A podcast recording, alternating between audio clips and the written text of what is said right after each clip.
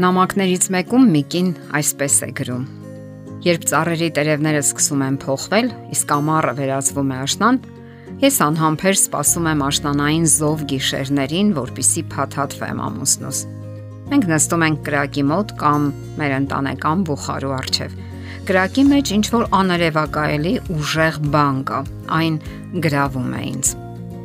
Կրակն այնքան հզոր է, որ մենք չենք կարող ապրել առանց դրա այն ջերմություն է ապահովում, թույլ է տալիս կերակուր պատրաստել,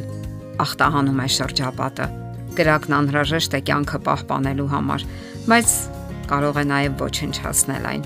Ամուսնական սերը կարելի է համեմատել կրակի հետ։ Ոչ մի ամուսնություն չի կարող ապրել առանց պատշաճ մաքուր սիրո, եւ ընդհակառակը ամուսնական սիրո բացակայությունը կամ աղավաղումը կարող է կործանել ամուսնությունը։ Եթե երբևէ փորձել եք կրակ վառել, ապա գիտեք, որ դրա համար ջանք եւ համբերություն է պետք։ Ձեր վառած կրակը կարող է որոշ ժամանակ պահպանվել, բայց ի վերջո ձեզ հարկավոր է ավելի շատ փայտ ավելացնել կրակին այն վառ պահելու համար։ Եթե թույլ տաք, որ կրակը հանգչի, հետագայում ստիպված կլինեք շատ աշխատել այն կրկին բորբոքելու համար։ Շատ ավելի հեշտ է պահպանել առաջին կրակը, քան նորից բորբոքել այն։ Նույնը տեղի է ունենում ամուսնության դեպքում։ Միգուցե դեռ վառ է ժամանակին ձեր ամուսնության մեջ բորբոքված կրակը։ Միգուցե այն թույլ մլմլում է կամ մոտ է մարելուն։ Ինչպես պահպանել ամուսնական սիրո բոցը, եթե այն մարել է, ինչպես կարելի է կրկին բորբոքել։ Ներկայացնենք քայլեր, որոնք օգտակար են ամուսնական հարաբերություններում։ Շատերն ասում են, որ մեր ընտանիքը բազմամարդ է, ժամանակ չկա եւ այլն, սակայն դա արդարացում չէ։ Եթե ժամանակ չկա երջանիկ ամուսնություն արարելու համար, ապա ինչի համար ժամանակ կա։ Մտածեք այդ մասին։ Եվ այսպես քայլ առաջին։ Երբեք մի դադարեք հանդիպել։ Ժամանակ գտեք միասին լինելու համար, միայն երկուսով Զրուցեք, ծիծաղեք, զվարճացեք, սիրեք։ Ժամադրություն չի նշանակում անընդհատ ինչ որ տեղ գնալ։ Սա մտածելակերպ է։ Հիշում եք, թե ինչպես էիք վարվում ձեր ամուսնու հետ, երբ սիրահարվեցիք։ Վերադարձեք այնտեղ, որտեղից սկսել եք։ Միգուցե ճանապարհին աղ կա։ Մաքրեք այն։ Ձեր ամուսնությունը արժե ձեր ժամանակին ու ջանքերին։ Սա ձեր կանչվածությունն է։ Ճանապարհ դեպի մաքրություն, սրբություն։ Քայլ երկրորդ։ Աղոթեք միմյանց համար եւ միմյանց հետ։ Աղոթքը միավորում է ձեր հոգիները եւ բացում ձեր սրտերը միմյանց հանդեպ սիրո միջոցով ստանալու Աստծո սերը։ Դուք կարող եք աղոթել ինքնաբուխ եւ ջերմ։ Սկսեք այնտեղից, որտեղ անհրաժեշտ է։ Ապա աստիճանաբար դուրս եկեք ձեր հարմարավետության գոտուց Ձեր ամուսնության եւ անձնական աճը կարող է տեղի ունենալ միայն այն ժամանակ, երբ դուք պատրաստ եք դուրս գալ ձեր հարմարավետության գոտուց։ Աղոթքը հենց դրա համար է։ Քայլ 3. Ներիր եւ կներվես։ Երբ երկու անznավորություն միավորվում են ամուսնական միաբանության մեջ եւ սկսում են իրենց համատեղ կյանքը, բնական է, որ խնդիրներ ու դժվարություններ կառաջանան մարդկային մեղքի հակվածության պատճառով։ Եղեք ազնիվ, անկեղծ ու գթասիրտ։ Երբ մեղք է գործվում, հարկավոր է ներել ու մոռանալ։ Պետք չէ այն պահել ներսում։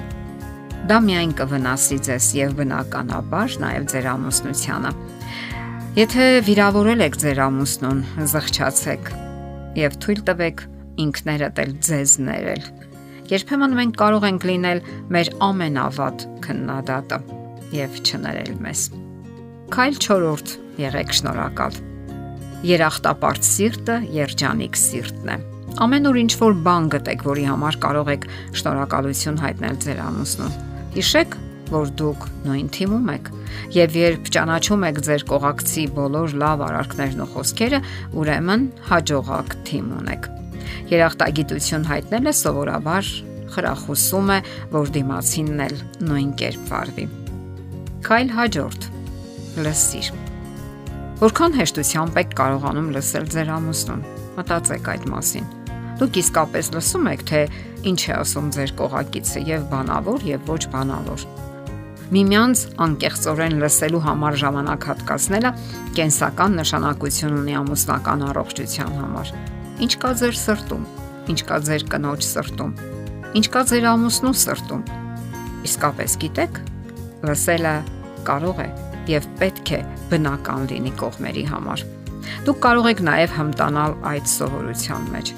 Ամեն դեպքում սա անհրաժեշտ պայմաններից մեկն է երջանիկ, կատարյալ եւ կենսունակ ամուսնություն ունենալու համար։ Եվ վերջապես հաջորդ քայլը՝ հարգեք միմյանց։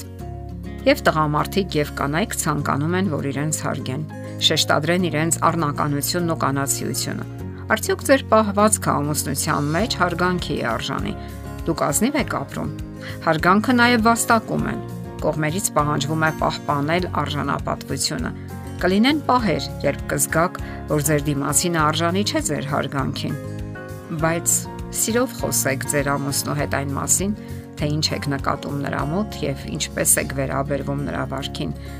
Աշխատեք միասին վերականգնելու փոխադարձ հարգանքը։ Անհրաժեշտության դեպքում կարող եք օգնություն խնդրել մասնագետներից։ Հարգանքը ամուսնության հիմքի մի մասն է եւ ամուր ամուսնությունը չի կարող կառուցվել երերուն հիմքի վրա։ Եվ այսպես կարևոր են այս քայլերը։ Դրանք կարևոր են թե կրակը վառելու եւ թե այն վառ պահելու համար։ Եթերում է ընտանիք հաղորդաշարը։ Հարցերի եւ առաջարկությունների համար զանգահարել 033 87 87 87 հեռախոսահամարով։